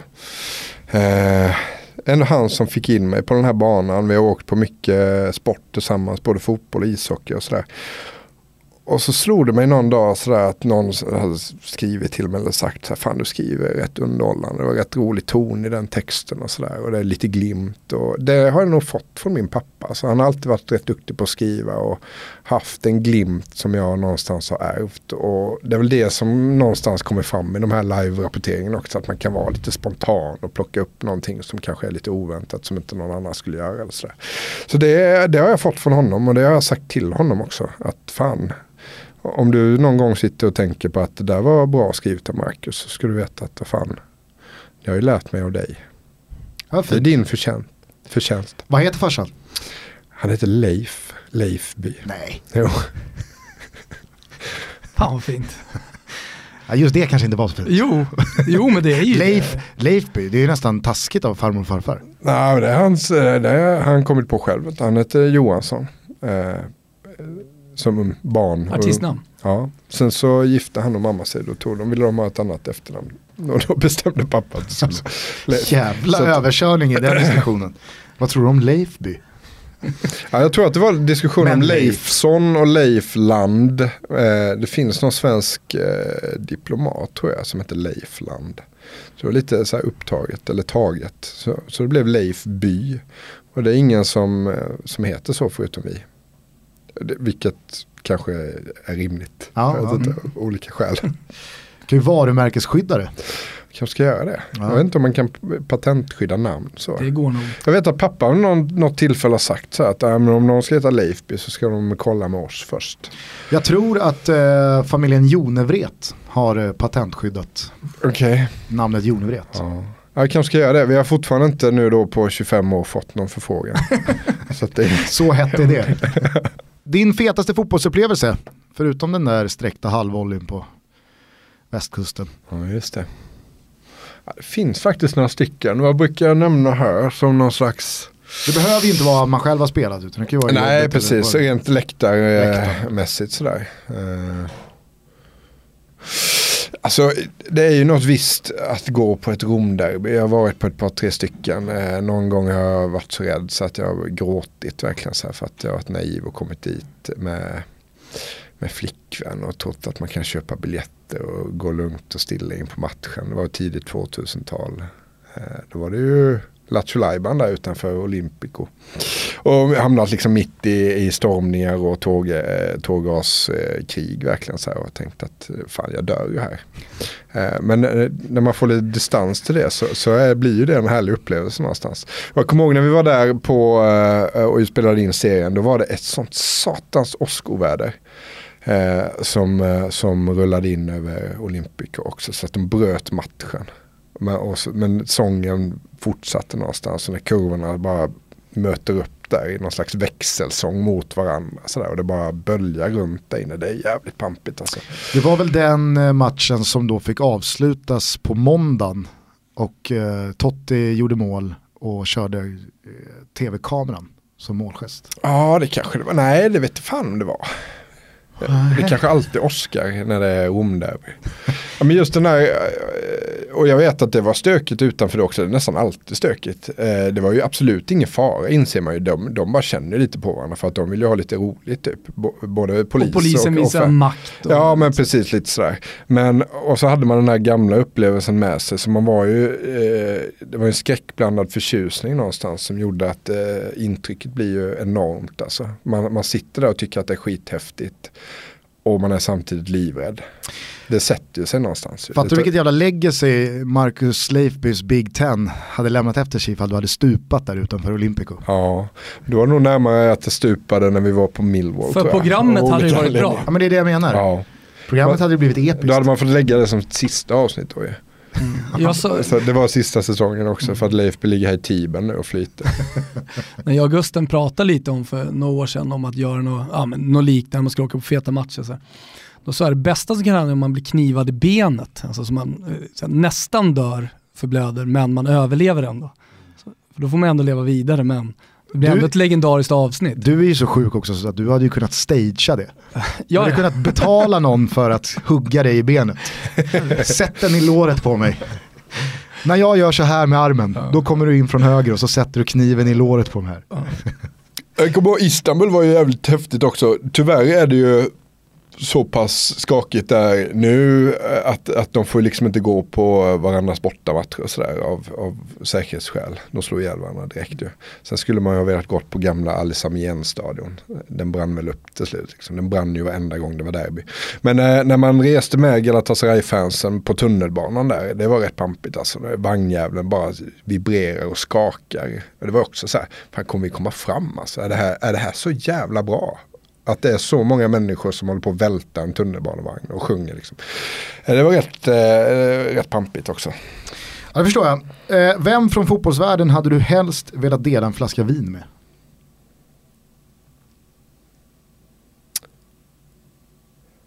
Då säger jag...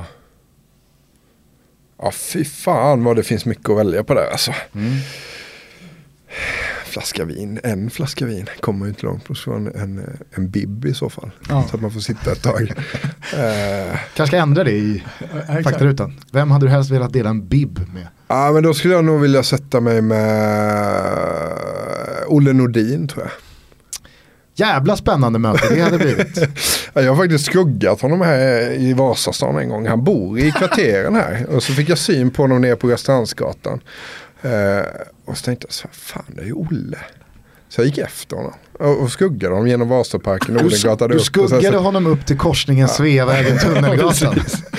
Sen släppte jag honom för jag insåg att det är för fan absurt det här. Tog du med dig någonting från skuggningen? Ja men det var så här, jag gick på... Eh, Kasta tuggummi i, i, någon buske eller något? Nej, han släppte inga sådana eh, spår efter sig. Men han gick på vänstersidan och jag gick på högersidan. Så det kändes verkligen som att man gjorde en rätt avancerad skuggning också. Jag antar och när han stannade upp så stannade jag upp och läste en tidning. Så Jag antar att du i ditt val här av Olle Nordin eh, ändå vill eh, prata lite om VM 90. Mm. Har han, nu är ni tio år äldre än vad jag är och kanske således eh, har minnen av det, men har han liksom någon gång verkligen pratat om det där VM-slutspelet efteråt? Ja, lite smått tror jag, men inte lagt ut hela, hela kontexten så att säga. Nej, för att det, från det att jag hamnade i medvetande liksom, så känns det som att han alltid har, bit, alltså han har snäst av det där mm. ordentligt när han har varit Norrköpingstränare eller AIK-tränare eller vad han nu har gjort sedan dess. Det är klart att det förföljer honom eh, och har, gör ju det fortfarande. Det är ju liksom 1-2, 1-2, 1-2. Jävla tjat om det där. Sen är det ju alla gamla svenska förbundskaptener blir, får ju den här lite förbundskaptenssjukan. Det är ungefär som alla gamla Palmeutredare. De blir tjuriga till slut för att mediatrycket är så jävla hårt. Lagerbäck var ju inte skitskoj de sista åren. Nu har ju han tinat upp och klivit över på vår sida så att säga. Laban var ju en jävligt tjurig eh, tjurskalle ett tag. Tommy Svensson klarade sig ganska hyfsat. Han gick tidigt in i mediasvängen efteråt men var ju upp buren liksom. Erik Hamrén var ju, det var ju ett krig sista tiden ju. Eh, och Olle är ju fortfarande där någonstans. Det är lite därför man skulle vilja sätta sig med honom. Sen så har jag ett, eh, det var det första VM-slutspelet jag minns riktigt väl. Och sådär. Hur, hur, vilken jävla häftig känsla det var att det var liksom VM-sommar. Man kunde spela fotboll på dagen och sen går man in och ser Italien skåpa ut Österrike. Mm grymt fotboll varje kväll och sådär. Och Sverigematcherna sitter ganska djupt igen. Jag antar att du har sett... Eh... Kareka, loss mm. och mål, säger Bo Hans. Så ja. kan man också referera fotboll och, och göra det bra. Man behöver inte... Kareka, loss och mål. Har du, liksom jag, sett VM 94-krönikan? Nej, är den bra eller? ja, den har, nu var det faktiskt rätt länge sedan. Ja, nu har jag sett den jättemånga gånger. Men jag tycker VM 90-krönikan är jävligt bra. Alltså alla egentligen krönikor bakåt från 94, 98 är ju jävligt bra. Alltså. Ja.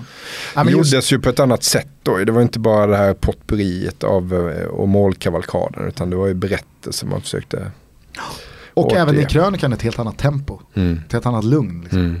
Men just där med 94-krönikan så eh, det tycker jag är en av mina favoritpassager när de sitter då med Tommy Svensson. Och han då berättar om att oh, i min första VM-match så stod det nu 1-2. Alltså det är en sån jävla laddad stund att det där verkligen har hängt med i fyra år. Att, ja, man minns ju det här VM 91, 2 1-2, 1-2. Och så sitter jag här i min första VM-match och det står 1-2. Vi vet ju att det var 1-2, 1-2, 1-2 i Italien och man hade raljerat lite grann i tidningarna om, eh, om det där som ett telefonnummer eller någonting liknande. Och så stod det helt plötsligt 1-2 då i, i min första VM-match också. Det är klart att jag eh, såg framför mig rubrikerna som skulle bli i tidningarna dagen efter. Sen kommer Kenneth Andersson och ville se matchen med polarna hemma. Jag sa till, till Pontus tror jag det var i, i duschen så att det här måste ha varit en riktig rysare att sitta hemma och kolla på. Det kan inte bli bättre. Det måste ha varit det hade varit kul att sitta, sitta hemma och med, med grabbarna och kolla på den här matchen också. Alltså, varit på två ställen. Ja, men det, så tror jag att VM 90 är ju, är ju lite sådär omgärdat av vissa rykten om att det skulle ha funnits en, en rätt djup splittring i gruppen beroende på någonting. Så det fanns en klar MFF-falang, det fanns en klar Blåvitt-falang och jag vet inte om de drog riktigt jämnt och vad var det som gjorde att de kanske inte drog jämnt och sådär. Eh, hade man, det, det skulle vara roligt att sitta ner med Olle en, en fredagkväll. Och du får väl eh, slutföra skuggningen nästa gång du får kon på honom. Ja, jag vet inte om det är rätt metod att närma sig Olle. Komma fram och säga att jag har skuggat dig här till halvår. Jag tänkte om vi kunde, sjuka jävel. Dessutom så har han spelat fotboll då i, eh, han kommer från Delaryd och Älmhult faktiskt. Där jag kommer ifrån. Där han spelade fotboll eh, innan han då flyttade vidare ut i, han spelade vid Blåvitt bland annat tror jag. Det låter ju som en dejt. Ja men kanske, han ser fortfarande jävligt fräsch ut alltså. Eh, när man ser honom på stan. En bag-in-box med Leifby och Olle Nordin i en hammock.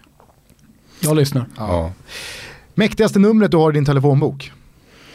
Ja det är inte så jävla märkvärdigt ska jag säga dig. Jag har, eh, ja vad fan har jag? Leif GW Persson. Ja. Hörs ni? Nej det gör vi inte. Men vi har gemensamma bekanta. Så jag hoppas fortfarande att, att få tillbringa en kväll på hans gods någon gång. Eh, det finns en del intressant att prata om det också. Eh, senast vi ibland... pratade så, så intervjuade honom. Då låg han, ett helt, han gjorde, genomförde ett bad. Och så var intervjun slut när han skulle gå upp i badkaret.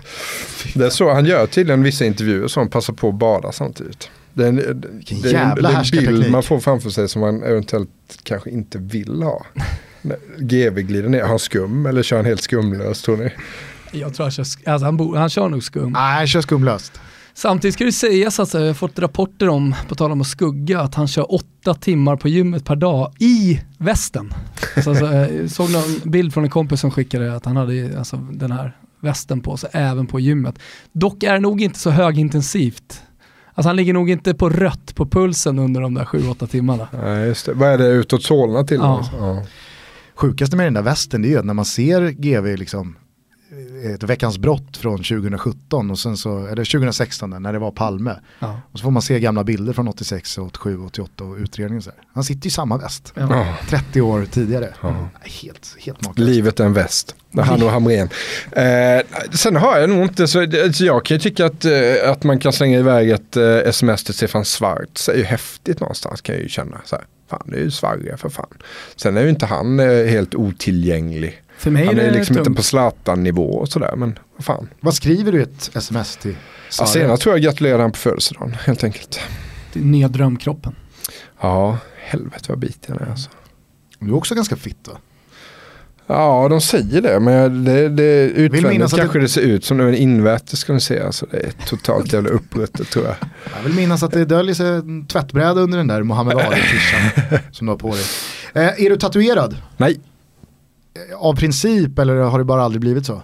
nej, ja, nej, jag vet inte vad jag skulle, varför eller så här. Jag har inget, eh, jag, Jan Guillou frågade någon gång om han var tatuerad så sa han bara så här, nej det är en, eh, det är ett underklassfenomen sa han bara. Att tatuera sig. Han, var- så skulle inte jag svara. Om du var Eftersom tvungen, jag tillhör i att, underklassen. Om du var tvungen att tatuera dig, vad hade du gjort då? Bra fråga alltså. Jag var faktiskt inne på, men då blev jag stoppad av, av eh, mina närmaste att vi skulle, när vi gjorde Big Ten, när Erik Niva då delade ut uppdrag sådär, så, så hade vi idéer på att ett uppdrag skulle vara att tatuera in Millwall-lejonet. Eh, och jag var helt såhär, jag gör det. Fan, det kan vara häftigt då. Men då var det kloka människor runt omkring som sa att ja, det är häftigt för stunden kanske. Men det, det, det kan också framstå som att du är helt jävla dum i huvudet och bara tatuera in ett, ett klubbemblem som du inte har någon relation till egentligen. Bara för att göra lite bra tv. Alltså de som ser det kan ju tycka att, ja, men vad fan han är ju inte redig. Och det är ju heller inte vilken klubb som helst. Nej precis, och vad, vad står det klubbmärket för och sådana här saker. Så. Nej, det blev ingenting. Det var nog klokt. Kloka rådgivare runt omkring mig. Snyggaste fotbollströjan genom tiderna? Eh, Roma eh, 01. Inte dum. Den är inte dum. Säger jag bara sådär. Jag vet inte ens, var det kappa då på den tiden? Jajamän. Ja, den tidiga, eh, ny... Eh, Jo, men den, den representerade tillsammans med den italienska nya landslagströjan som också var kappad. 02 där ja. ja. Eh, det, den representerade ju något nytt efter ja, hela 90-tals eh, debaclet vad det gäller fotbollströjor. Alltså hela 90-talet var ju, var ju ett skämt. Sen kan jag ju nu ur en, liksom, någon slags nostalgisk perspektiv gilla de här 90-talströjorna. Men det är ju först nu man börjar göra det också. Med Ja. lite för stora. ja, det är sant. Det börjar komma tillbaka. Ta mig fan alltså. Ja, de har börjat komma med snörningen har jag sett. Men det är ju i kom, alltså det är en kappa 01 kombinerad tröja med snörningen snarare. Mm, mm. Men eh, ja. Men jag började intressera mig, du frågade om intresse innan och jag har faktiskt ett intresse och det är att samla på, dels samlar jag på konstiga böcker eh, eller böcker som någonstans bara jag blir lite sugen på och tycker verkar häftiga. Eh, och lite sportmemorabilia. Och där har jag en liten dröm om att någon gång komma över den, den vita 94-tröjan som Sverige spelar med. Eh, I reservstället. Den vita. faktiskt. Tänk då om man kunde ha den med Claes Ingesson på ryggen. Alltså, det, skulle det är ju, Sen det någon som sitter med den där ute så, Ja, det så det lägger ju. jag gärna ett bud. Vi alltså. träffade ju Det det en på eh, Ry- Rue de Lappe i Paris som också såg ut som Ingesson. Och hade, eh, alltså som Ingesson såg ut då. alltså Så 5000 fortfarande- svenska supportrar festar med varandra på en gata eller ett område i Paris. Och här kommer det en 1,95 lång, blond, ståtlig svensk i den vita 94-tröjan med Ingesson på ryggen. Alltså han var ju som Moses. Alla kollade på den här jävla tröjan och nickade bara tyst och flyttade på sig. Här ska du fram. Ja, fan vad fint alltså. Förutom du och jag då som skulle fram och ta bild. Jag undrar hur många sådana det finns. Vita 94-tröjor med Ingesson på ryggen. Det- De är nog inte så många alltså. Vad är du beredd att hosta upp ifall någon skulle höra av sig? För att det ska nog inte underskattas hur många som hör det här och kanske eventuellt då sitter på en sån här tröja. Jag vet, det är så jävla svårt. Jag köpte en jävligt märklig grej för några veckor sedan. Då köpte jag Lars-Gunnar Björklunds gamla slipssamling. eh, på 150 slipsar ungefär Varför i en kartong. då? Men vad fan, den har man ju aldrig egentligen tänkt på. Men när jag hörde talas om att den fanns så kände man ju direkt, den vill man ju ha. Får man fråga vad du eh, Ja, upp det var kalaset? 1500 spänn. Eh, nu står det, jag vet inte riktigt vad jag ska ha dem till. Men det, den innehöll också någon cool retro HBK-keps med måltipset på sidan och någon tips extra slips. Jag Det tänker låter att ju fett värt skulle man dela 1500 upp ja, VM 90-slips och lite sånt där. Det var ändå en del guldkorn där. Så att jag hävdar att jag skulle med rätt lansering och eh, produktbeskrivning och sådär kunna hämta tillbaka de där pengarna. Idrottsgalan om ett år, då sitter Leifby där i någon gammal slips. Ja men det är rätt fint också att kunna gå på ett party och man vet att fan jag har VM 90-slipsen, Lars-Gunnar Björklunds VM 90-slips på mig. Bred som en jävla... Vad, ha, hade, du, hade du blivit intresserad ifall eh, Olle Nordins träningsoverall från VM 90 hade dykt upp? Ja på herregud alltså för helvete. Nu blir jag blir helt kallsvettig.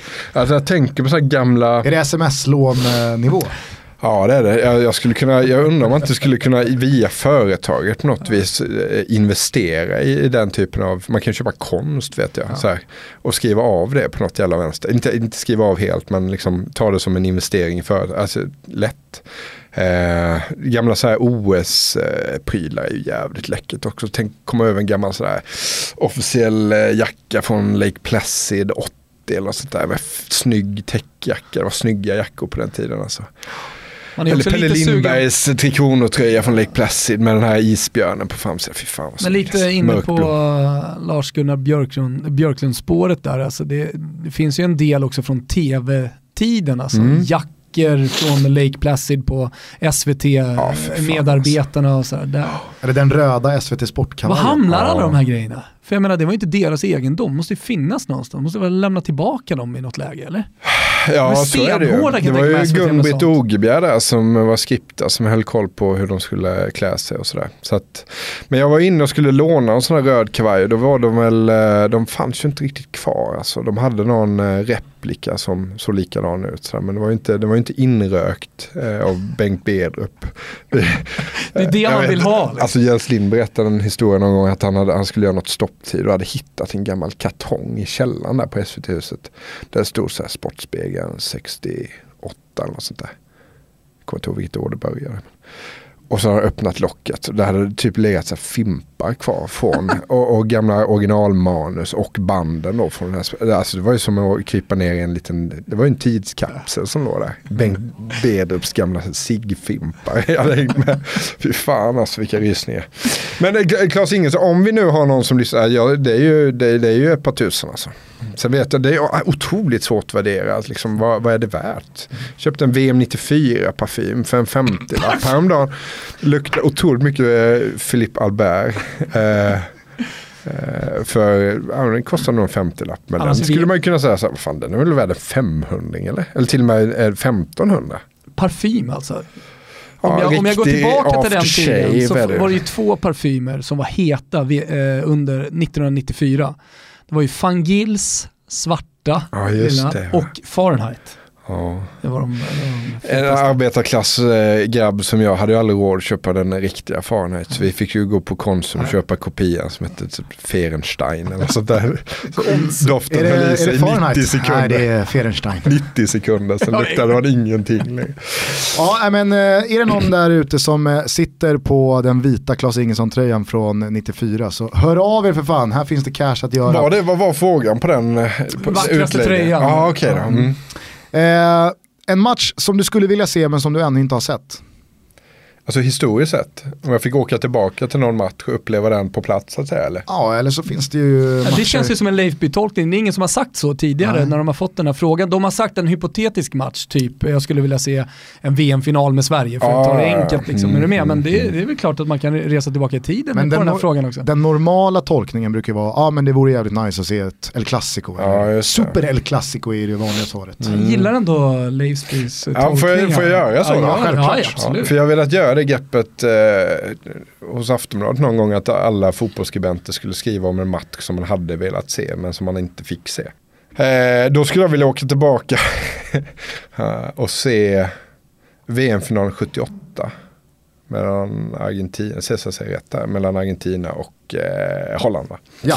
Nederländerna som man ska säga nu för tiden. Och man Holland skulle ju bara vinna den. Och Ja, hade vunnit så mycket sympatier med sin totalfotboll. Ja, ja, Torskat fyra år senare, nu var det dags. ja.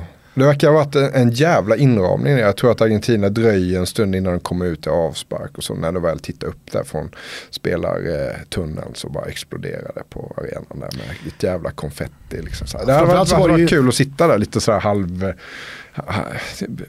berusad. Det var inte bara- vin. Det var inte bara just eh, konfetti utan det var ju också kvittorullarna. Ja precis, och toalettpapper. Liksom Ja. bara så här, det bara regnade in. Otroligt pampigt. Ja, det, Och så vinner de, det är en rätt häftig match också som går till eh, förlängning är det väl, hette det väl på den tiden. Och det heter det fortfarande. exakt. Men inga jävla golden goal och silver goal. silver goal. Mario Kempes. Mario Kempes ja. Rulla in någon från snäv vinkel där och sådär. Fint. Härligt, Mycket. sista frågan på faktarutan. Om du inte får svara Messi eller Ronaldo, vem skulle du säga är världens bästa fotbollsspelare idag? Idag, Ja, oh, fan jag har ju tappat fotbollsbiten lite. Nu har det ju också dessutom varit att ni- vinter för, för dig arbetsmässigt. Mm. Mm. Mycket OS, mycket hockey. Ja. Arbetsmässigt alltså. ja, och mycket barn och sådär så Ja. det, det är svårt att eh, så bränna på Men det kan gå på magkänsla Premier lite League grann. lördag sådär. klockan fyra och säga att nu får ni hålla käften hemma för nu ska pappa kolla på fotboll. Jag har bara jobbat 80 timmar i veckan så att, eh, låt mig få titta på lite fotboll nu. Den är svår redan. Till och med Champions League har kommit bort ifrån. Jag har fan inte sett en match. Risk för att många blir besvikna. Nej. Däribland ni. Nej, absolut inte. Och jag tycker att det är lite så Barcelona-Celtic i ett gruppspel och 7-0. Så det, Ja, det har vi jävla pratat mycket om här också. Att vi, mycket. Eh, Nej, men det kommer ju bli svårt att utöka den här podden till att vi ska vara en trio. Om du ska fortsätta så här. jag förstår det. Eh, men vad, vad, var frågan nu? Vem bäst i världen eh, på fotboll? Messi och Ronaldo är ju högst upp där. Men om du ska Ah. välja någon annan, magkänsla bara. Någon som ligger... Ja, men, Gulligt när du säger bäst i världen på fotboll. Nej, eller hur? Ja. Ja, alltså man framstår som en komplett idiot om man säger Neymar kanske. Men det skulle jag väl dra till med då bara för att så här, nu är han skadad har jag förstått. Jag älskar, du bara sitta jag, älskar, ja, men jag älskar att du svarar på frågan som att det är typ en frågesport. Ja, vad är det rätta svaret här då? Jag får väl dra till med Neymar. Ja, det Finns det någon modern fotbollsspelare som ändå, för jag, jag sliter ju med det alltså, att ta till med spelare så som man gjorde en gång i tiden. Att känna för, senast eh, jag verkligen kände för en spelare, ah, det är klart att det har kommit upp några på slutet, men, men, men som jag verkligen, verkligen sådär kände för så var det väl Angelo Di Livio och Rigano, liksom, Fiorentina som tog sig tillbaka. Det, det, det känns som en svunnen fotboll eh, 2018. Sådär. Men eh, ja, Jag trodde frågan skulle vara eh, historiskt sett.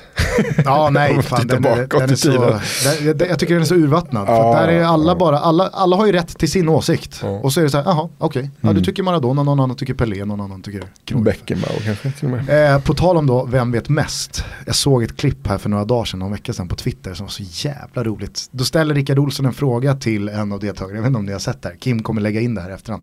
Andreas. Ja. Vilket landslag med Carly Lloyd och Abby Wambach i laget vann damernas fotbolls-VM i Kanada 2015? Ishockey. Det är USA. Ja, USA. vad det är ett land ni frågar efter. Ja, precis. Det, Alltså sport är jag urkass på. Som det om kommer ju en fråga till sen, det är det som är roliga sportfrågan. Så jag är helt bortdribblad och blir släkt liksom. Andreas. Nu gäller det. Ja, hoppas ingen sportfråga ligger nu då i pipen. Vilken Malin blev genom sin blogg känd som fotbollsfrun och har barn ihop med före detta Kalmarspelaren Joakim Lantz? Fotboll igen alltså. Du ser ut som en fiollåda i ansiktet där Andreas. Ja. Men det var Malin Volin. Jaha.